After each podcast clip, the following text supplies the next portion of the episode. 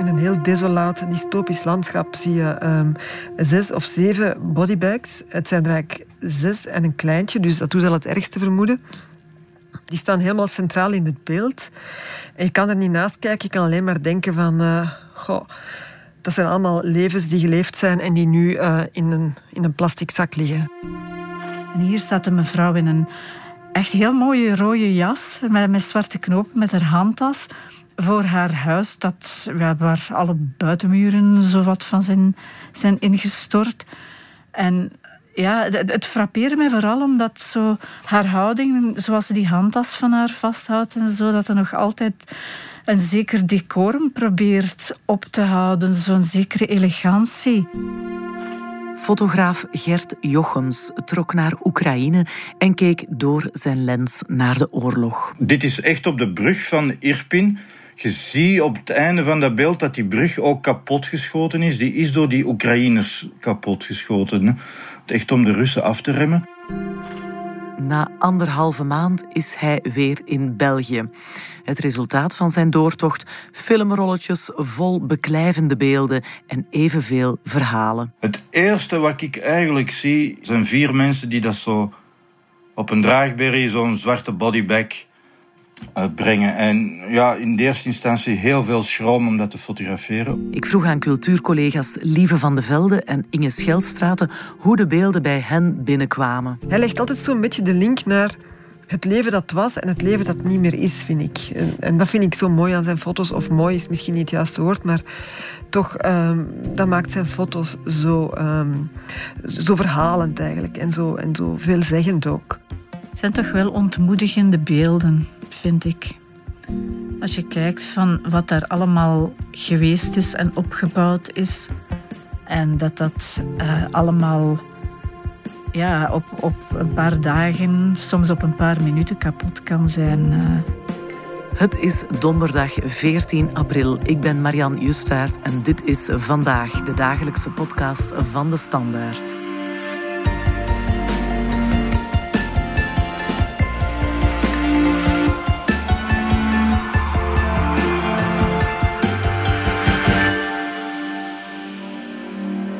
Afgelopen maand, dat, is, dat kleeft echt volledig aan u. Het was al van in het begin, ook zo in, de, in het westen van Oekraïne, waar dat dan veel, in het begin veel meer was, was dat al heel beklijvend en heel existentieel, omdat alles, alles draaide rond die oorlog en iedereen stond daar eigenlijk in de grootste alertheid eh, zijn dagen door te brengen. En eigenlijk vanaf de terugtrekking van de Russen in de regio Kiev is het gewoon helemaal hallucinant geworden. Je weet natuurlijk dat daar gevochten is. En als je in Kiev zelf bent, dan hoorde dat ook heel hard. Dat maakt echt veel, veel lawaai, oorlog. En zeker die artilleriegeschut. Daar zitten pauzes in dat dat even stopt. Maar dan kan dat heel onverwachts heel hard terug beginnen. Dan kan je naar daar, of dan in het begin slaag je erin, want dan is dat nog wel een beetje echt een opzet om daar te geraken, Irpin en Boetje.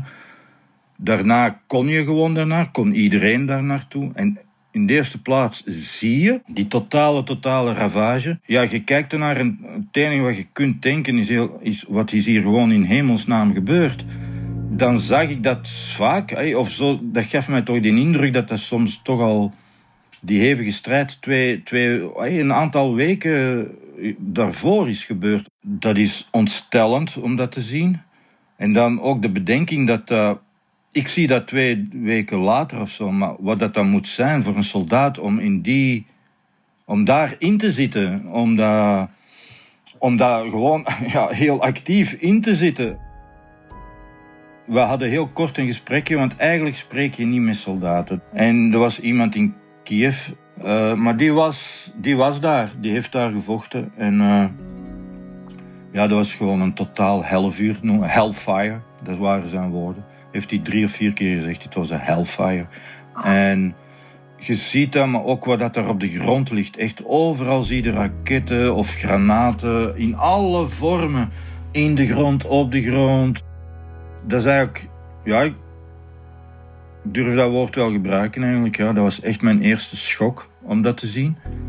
Dan komt eigenlijk een paar dagen later, want dat wisten we, ay, dat was nog niet ter sprake gekomen. Hè. Die, dat criminelen. Hè. Dus uh, eerst was dat die straat in Bucha. Dan, dan begon je te zien dat dat echt op veel meer plaatsen en op, op vele manieren is geweest. Vier dagen later zijn we dan naar Borondiansk geweest.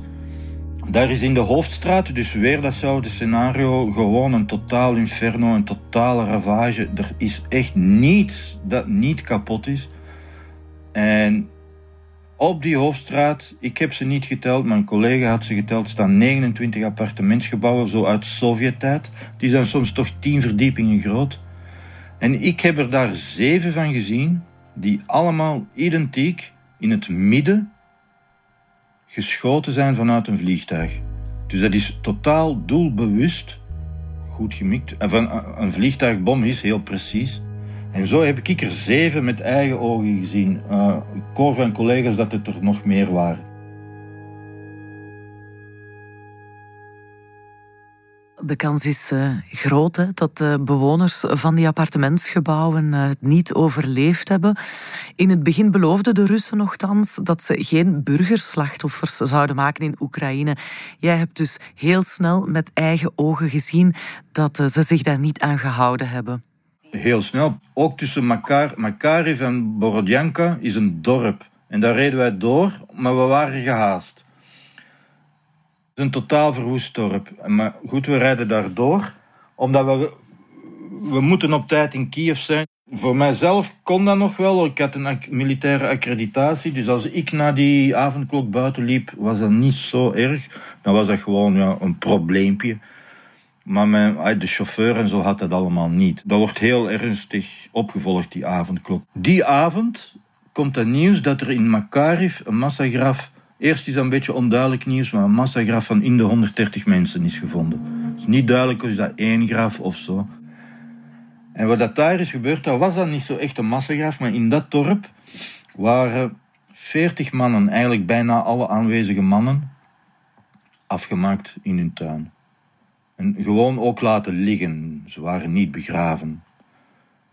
Het Oekraïnse leger, want dat was best al, dat was eigenlijk ook al enkele weken geleden ervoor gebeurd. Hoe lang juist ervoor weet ik niet, maar dat, dus het Oekraïnse leger had ondertussen die lichamelijke overschotten al wel meegenomen, ook voor onderzoek en zo.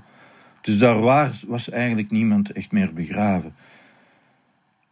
Dan, dan, dan loop je in die straat, er is, er is wel veel media zitten daar drie mensen op een bankje, oudere mensen, want het zijn vooral oudere mensen dat gebleven zijn. Ik denk de reden is omdat die heel moeilijk hun huis kunnen achterlaten en ook naar waar moeten ze naartoe. Hè?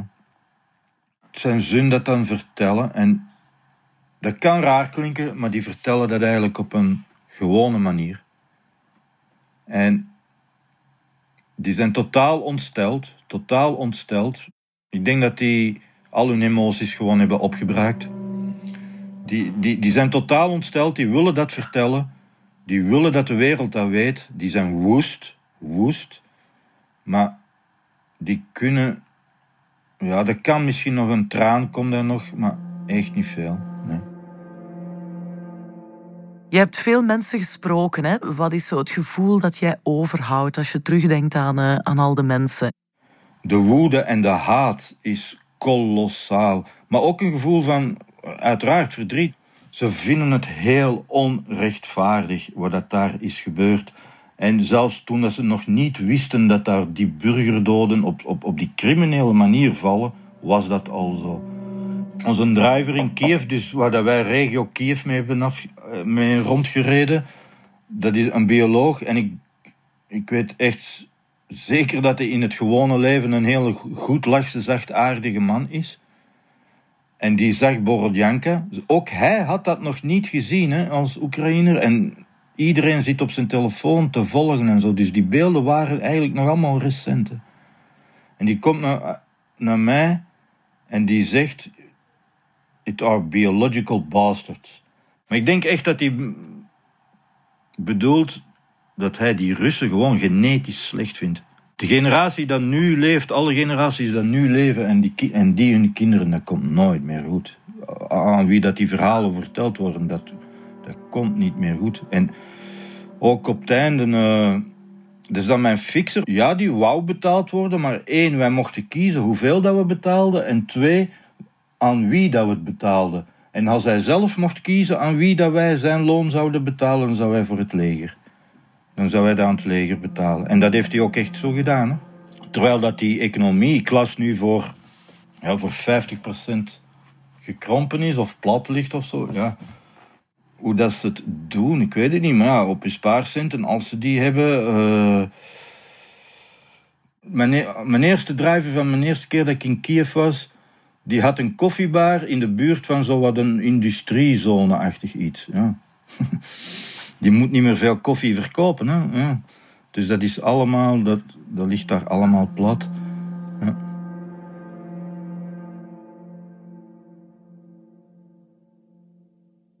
Je bent geen oorlogsfotograaf. Waarom uitgerekend jij naar Oekraïne werd gestuurd, dat vroeg ik aan Jan de Slover en dat is de chef beeld van de Standaard.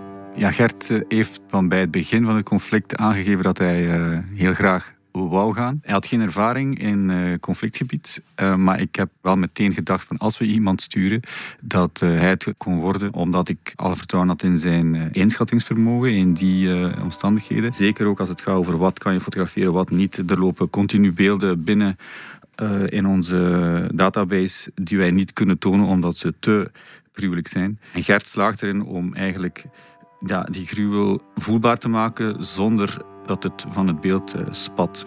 En dat zit in uh, ja, net een stap opzij zetten of net uh, 10 centimeter meer door de knieën gaan om een beeld te maken. Dus hij, maakt beelden die ja, de toedracht tonen, maar die jou niet verstikken of doen, doen wegkijken, wat natuurlijk nooit de bedoeling kan zijn. Wat hij ook kan, en dat is niet vele gegeven, is ondanks die doffe ja, eindeloze ellende en gruwel oog uh, blijven hebben voor gestes of momenten die een beetje lichtheid brengen. Dat kan een knuffel zijn of iemand die iemand aanraakt of op de, op de manier waarop iemand kijkt. Dus ook die beelden blijft Gert maken en daarvoor moet je ja, mentaal en emotioneel stevig in je schoenen staan, denk ik. Ja, waarom wilde jij zo graag gaan, Gert? als je daar op duizenden kilometers over nadenkt, een beetje abstract, dan kan oorlog ook wel heel boeiend en spannend lijken. Als je het niet weet wat het is. Ik had daar, toen ik daar ging, ik, had daar eigenlijk niet gedacht, ik had er ook geen rekening mee gehouden dat dat zo verschrikkelijk is. Ja. Dat dat zo allesomvattend is en dat dat niet overal, maar daar waar dat er gevechten wordt, puur dood en verderf is. Puur, ai, nee, ik had dan niet gedacht dat dat zo was. Wat dat wel.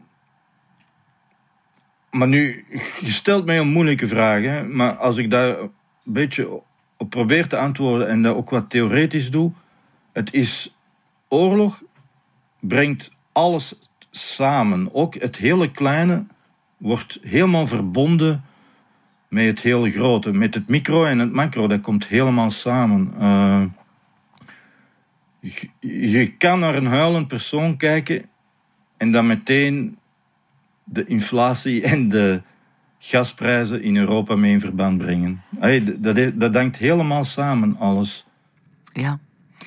Hoe ga je dan te werk. Je sprak al van een fixer, een driver. Het zijn geen normale omstandigheden. Hè? Ja, hoe werkten jullie daar?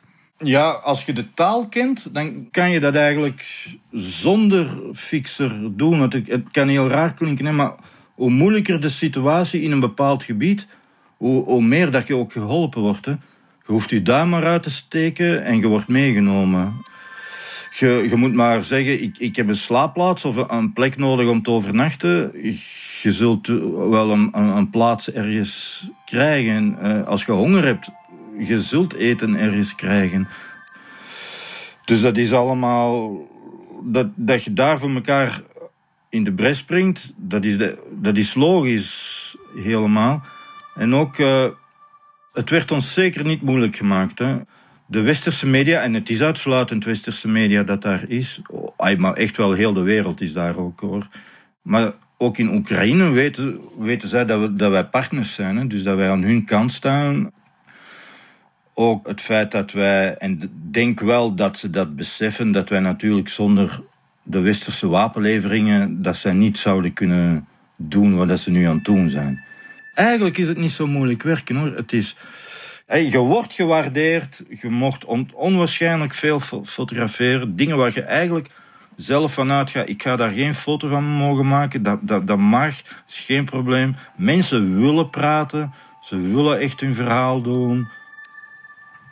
Het is altijd natuurlijk wel als fotograaf, maar ook als journalist de manier waarop dat je een vraag stelt of zo. Het is natuurlijk wel een beetje op eieren lopen, omdat je, ja, je hebt het leed van een ander volledig voor u staan. Hè? Misschien een naïeve vraag, maar had jij op voorhand een idee van dit soort beelden wil ik daar gaan maken? Het is misschien onbeleefd om te zeggen, maar het is niet moeilijk hè, om, uh, ja, om sterke beelden daar te maken. Het, het, staat daar gewoon overal voor je neus. Hè. Het is hallucinant eigenlijk, hè, wat, wat je daar gewoon te zien krijgt. Ik heb me ook de bedenking gemaakt op een bepaald moment. Het was even, maar ik denk dat het wel op een zwakkere dag was, want daarna was dat niet meer. Dat ik. Uh, ja, ik zag daar weer zo een straat en het kwam zelfs even niet meer bij mij op om te fotograferen. Ik dacht, oei, misschien moet het nu toch vervangen worden of zo. Want de dag daarna was dat weer dat verhaal van, dus dat dorp, van dat dorp waar dat die veertig mannen waren. Ja, zeg maar afgemaakt. Hè. Ja, dan sta je wel weer helemaal uh, op de. Ja, dan loopt er gewoon weer helemaal op de, op de toppen van je tenen. Hè. Mm wat uh, Lieve van de Velde en Inge Schelstraten zeiden over jouw foto's, is dat het toch ook wel opvalt hoe jij naast de gruwel van de oorlog, of, of bovenop de gruwel van de oorlog, toch ook nog ergens uh, uh, het alledaagse leven probeert te vatten. Hoe de dingen ook wel gewoon doorgaan. Hoe vrouwen hun kinderen blijven eten geven, een dak boven het hoofd zoeken, ergens nog schoonheid opzoeken ja, het slaat mogelijk als een tang op een varken, maar is dat een bewuste keuze? Ja, het is. Ik, ik begrijp wel dat je de vraag stelt, omdat, omdat je dan natuurlijk daar, of van hieruit, hier, dus uh, zie je natuurlijk alleen die beelden of die fragmenten van oorlog die dat puur, puur, puur oorlog zijn. Maar uiteraard blijven de moeders of de ouders nog voor hun kinderen zorgen. Dat zou pas erg zijn, moest dat niet zijn. Natuurlijk moet dat nog gebeuren. Natuurlijk moet daar... moet die auto nog vol getankt worden, hè? anders rijdt hij niet. Maar wat dat niet meer gebeurt, is dat dan met die auto... Al nee, dat is niet waar. Je ziet dat zelfs. Die mensen gaan ook nog naar de carwash. Hè? Ik kijk daar ook graag naar. Ja. Ik, eh, of ik, ik, vind dat ook relevant, hoe dat, dat, uh, hoe dat, dat leven ook altijd echt... Dat, dat moet doorgaan. Die mensen hebben daar gewoon geen keuze. Hè? Ook al beheerst die oorlog alles in het praktische, maar ook in het denken. Uh, maar bijvoorbeeld, het heeft, uh, eigenlijk overal waar je komt en waar ergens radio of televisie op stond, dat was altijd op radio altijd wel praten over, ook al verstond je dat niet. Je wist wel over wat dat die aan het praten waren. Televisie, ja, dat herkende wel over wat dat gaat. Altijd, altijd. En nu zo, ik denk dat dat ongeveer tien dagen geleden is, de eerste keer dat ik het zag, dat was dus beneden, wij zaten op het derde verdiep op een appartementje in Kiev. En beneden was er zo een speeltuin. En er komt een papa met zijn kindje naar de speeltuin. En die heeft een radio bij. En die zet voor de eerste keer bewust een muziekje op. Dus enkel een liedje, dus geen oorlogspraat. En dan, dat is natuurlijk mijn interpretatie, maar dat zag ik zoals een moment voor mij van, ja, oké, het is een stap gezet in het gewone weer. Het wordt gewoon een, weer wat gewoner. Hè. Het was al wel op het moment dat de dreiging op Kiev eigenlijk al heel hard verminderd was. Ja, zo was jij toch ook uh, ineens getuige van een trouw daar, hè? Ja, dat was eigenlijk de dag ervoor waren wij naar Mikalaikov gegaan. En uh, daar is het wel front, hè. En toen was ik meegegaan met een lokale journaliste die dat normaal over cultuur schrijft en dergelijke, wetenschappen ook. En die had een fotograaf bij en die deed normaal huwelijksfotografen. En die was nu echt mee naar het front. En dat was een dappere kerel, moet ik zeggen. Want hij had meer level als ik. Ik heb een paar keer toch gezegd van... Man, man, uh, weet ik toch niet of we nu echt in deze weg moeten indraaien en zo. En... Uh, ja, de dag daarna zei hij... Ja, nee, morgen kan ik niet komen, want ik moet een huwelijk doen van een soldaat. En effectief, ja, ik vraag, mag ik meegaan, hè? En ja, ik mocht het. Dat was om 11 uur of zo dat hij een trouw ging zijn. En dat was op de stoep. Ik kom er om half elf aan. Ik krijg er al heel duidelijk te horen dat, dat ik de soldaten niet mag fotograferen. Ja, dat was natuurlijk wel een probleem. Maar, ja, maar, maar goed, uh, hij deed er dan zo'n sjaal en een zonnebril op en zo. Dat was heel even. En die gingen dan naar binnen. En ja, ik klipte mee binnen. En ik denk dat dat dat die ambtenaar, een jong meisje, ja, die heeft bij wijze van spreken tien zinnen gezegd. En dat was afgelopen, we stonden terug buiten, werd er heel snel een fles champagne, Odessa champagne. Mag niet, want niemand mocht nog drinken op dat moment. En ik dacht van, ja, oké, dat is het dan. Hè. Dus ik, ik, ik vroeg, mag, mag dan toch wel naar het feest komen? En hij begon zo eens te lachen. Nee, joh. Ik moet zelfs terug naar het front. Ay, dus echt terug naar mijn positie. Hè. Dus ja, dat heeft, die is 20 minuten komen trouwen. En uh, die is in de namiddag verder gaan vechten. En dat in Mikalaikov is het vechten. Hè. Uh, dat is echt, daar is het schieten. Hè. Ja. Waar er geschoten wordt, is het uiteraard gevaarlijk. En het aspect veiligheid is hier al een paar keer aan bod gekomen. Zijn er momenten geweest waarop jij echt bang was? Mm, ja, ik heb echt wel op de rem gestaan. Ik, ik, ik ben niet naar een battlefield geweest. Hè. Keer, ja, maar toen wist ik het niet. Ik dacht dat we eigenlijk op weg waren naar een, een andere plaats waar dat een, kort daarvoor iets raketachtig gevallen was. Maar het begon me wel op te vallen dat we al echt ver weg aan het rijden waren van de stad, Mikolaikov. En dan ineens stuiten we daar op kolonne tanks, allemaal uitgebrand.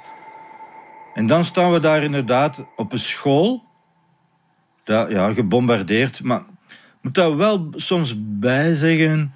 Een school kan natuurlijk wel militair gebruikt worden. Want er zitten geen kinderen meer in die scholen. Maar een school heeft wel, wat grotere ruimtes. Dus voor militair opzicht is dat soms wel bruikbaar. En uh, ja, we mochten dan naar die school gaan, maar het moest allemaal heel, heel, heel snel gaan. En dan begon het mij wel te dagen van... Uh, oei, die zitten de Russen precies er nog wel dichtbij of zo of wat. En dan reden we terug. En dan echt langs de horizon, maar te ver om te fotograferen, maar echt wel dichtbij. Ja, stond al het struikgewas nog in brand. Van, uh, ja, van granaten en bommen dat daar gevallen zijn. En toen, ja, toen wist ik het wel van, oei, die me hier eigenlijk gewoon mee naar puur het front te nemen. Hij had het wel eens op voorhand mogen zeggen, vind ik, maar hij had dat niet gedaan. Waar ligt of lag voor jou de grens? Je zei net dat er zo één moment was dat je dacht, nu moeten ze mij vervangen.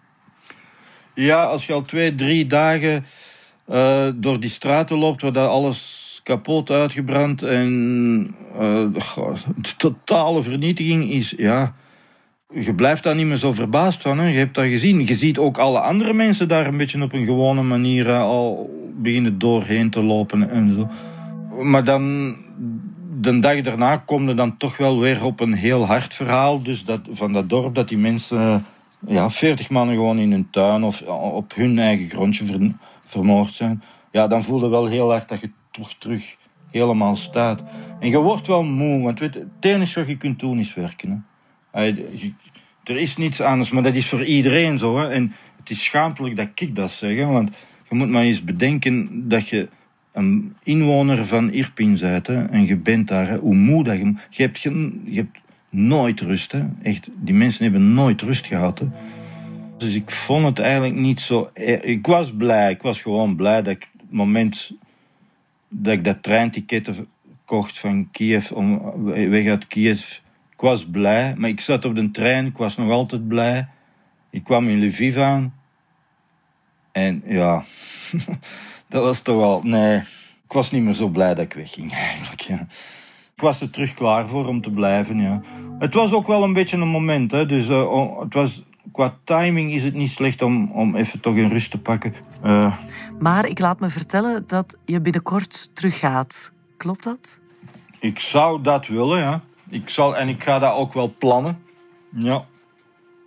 Of dat ook allemaal daadwerkelijk gebeurt. Uh, het is niet zo evident, hè. Maar nu even niet. Uh, even bij de familie, maar ja. Ik heb zo'n Engelstalige app op mijn uh, op telefoon. Die is, die is wel 100% Oekraïens.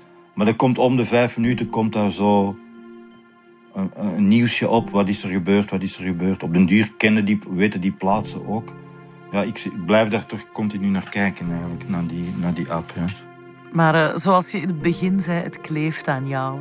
Ja. Gert, bedankt voor dit gesprek. Hè. Ja, heel graag gedaan. Dankjewel, Marianne. Ja, dag. Dit was vandaag de dagelijkse podcast van de Standaard. Bedankt voor het luisteren.